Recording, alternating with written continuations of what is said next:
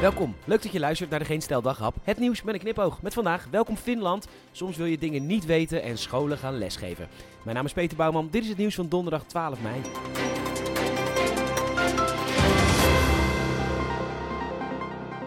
Welkom Finland. Of nou eigenlijk, we mogen God op de blote knietjes danken dat Finland bij de NAVO komt. Ondanks dat het er altijd stervenskoud is, ze een grens hebben met Rusland en het er de helft van het jaar zo donker is als waar Derksen zijn kaarsen plaatst, zijn de Finnen de gelukkigste mensen op aarde. Hoe komt dat? Nou, ze hebben een superleuke vrouwelijke premier. In het onderwijs mogen leraren zelf bepalen hoe ze hun lessen vormgeven, zonder bureaucratie en met betere prestaties dan hier. Kom ik zo op terug. Er is bijna geen misdaad. De mensen vinden elkaar daar gewoon heel lief. Een beetje zoals hier vroeger, waar je een mening mocht hebben, het met elkaar oneens mocht zijn, daar dan een grapje over kon maken en gewoon elkaar respecteren. Nou zou je denken, elkaar in de waarde laten en respecteren, ook als je een afwijkende mening hebt. Wat een onderontwikkeld hippieland. Nou echt niet, want we krijgen even het grootste artillerieleger van West-Europa. Met 12.000 mensen in het professionele leger, maar ook een dienstplicht. Bij totale mobilisatie staat 280.000 man klaar.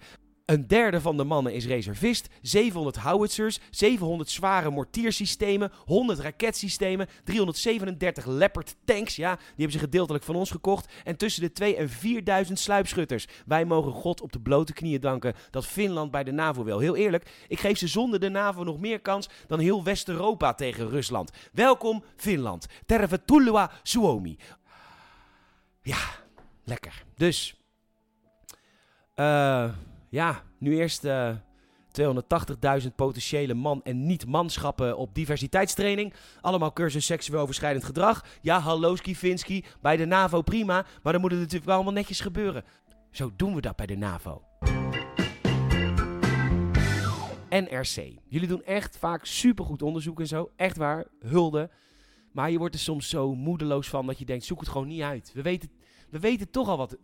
Kort gezegd, um, Tijdens de pandemie zei het ministerie van VWS tegen de ziekenhuizen: Jullie krijgen een miljoen euro voor elk extra IC-bed dat jullie kunnen regelen. Gewoon een miljoen. Voor alles. De verbouwing, personeel, opleiden, etc. Als ziekenhuis kon je dan zeggen: Nou, leuk, wij gaan voor vijf extra bedden. Dus 5 miljoen, alsjeblieft. Want we hebben nu al 10 bedden en we gaan naar 15 bedden. Ja, nee, zei het ministerie dan. Jullie hebben al 15 bedden, dus jullie willen er 20. Ja, ja, nee, zei de ziekenhuisdirecteur. We hebben 15 bedden.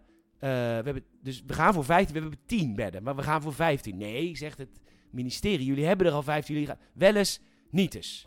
Met soms tot gevolg dat ambtenaren gingen zeggen: Ja, ik zou die subsidie niet aanvragen. Want wij houden ons aan, aan die 15 bedden die je al hebt, die je niet hebt, maar die, die wij denken dat je hebt. En als je straks geen 20 bedden hebt, krijg je de begroting niet rond en zit je in de rode cijfers. Sterker nog, er werd bijvoorbeeld tegen het Isala ziekenhuis in Zwolle gezegd: Schrap dan maar wat bedden om toch te kunnen matchen met onze lijstjes. Ja, nee, zeiden ze in Zwolle. Want, oh ja, vergeten te zeggen. Ze zaten toen midden in de lockdown. En die zee stroomde vol. Ah, dit land! Zes ziekenhuizen nemen een advocaat in de arm. Het ministerie schakelt de landsadvocaat in. Wanneer verhuizen we met z'n allen naar Finland? Oh nee, daar worden andere meningen gerespecteerd.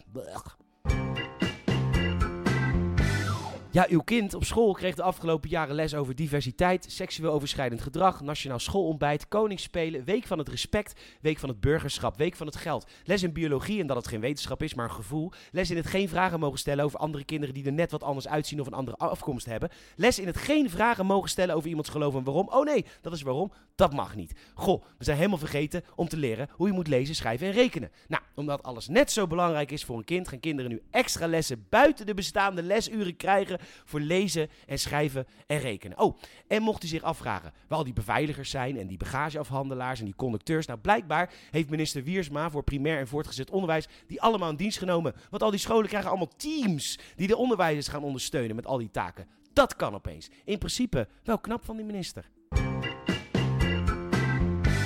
Ik, uh, ik weet dus niet of iedereen dit soort vrienden heeft, maar ik, ik dus wel. Je zit lekker in de kroeg een biertje te doen en twee van de vijf personen in de groep zitten constant op hun telefoon. En hadden ze maar op Tinder of Grindr gezeten, we hebben allemaal wel eens zin. Maar nee, dit zijn de crypto-jongens van de groep. En prima dat je in de crypto zit, maar dit soort jongens zitten ten eerste altijd naar de koersen te staren. En ten tweede, ze willen het altijd hebben over crypto. Ja, nee, doe alleen bitcoin. Want weet je, in tegenstelling tot geld kun je een bitcoin niet bijdrukken. Dus de waarde van één bitcoin zal altijd groter worden, want ze zijn schaars. En ben je bang om in één keer te investeren? Nee joh, dollar cost averaging. Ja, ik weet dus wat dollar cost averaging is. Ik was het zo zat, dan gezeik. Ik, uh, ik ben drie weken geleden ingestapt. Ja, weggeld. Ja, kijk, voor mij klein leed. Op Reddit zijn letterlijk honderden verhalen te lezen over mensen die denken aan zelfmoord. Omdat ze al hun spaarcenten zijn kwijtgeraakt. Ik mijt de kroeg deze week. Bedankt voor het luisteren. Je zou ons enorm helpen als je een vriend of vriendin of familielid vertelt over deze podcast. Je kan een Apple Podcast review achterlaten en dat kan ook in Spotify. En je kan ons ook volgen via vriendvandeshow.nl. Nogmaals bedankt voor het luisteren en tot morgen.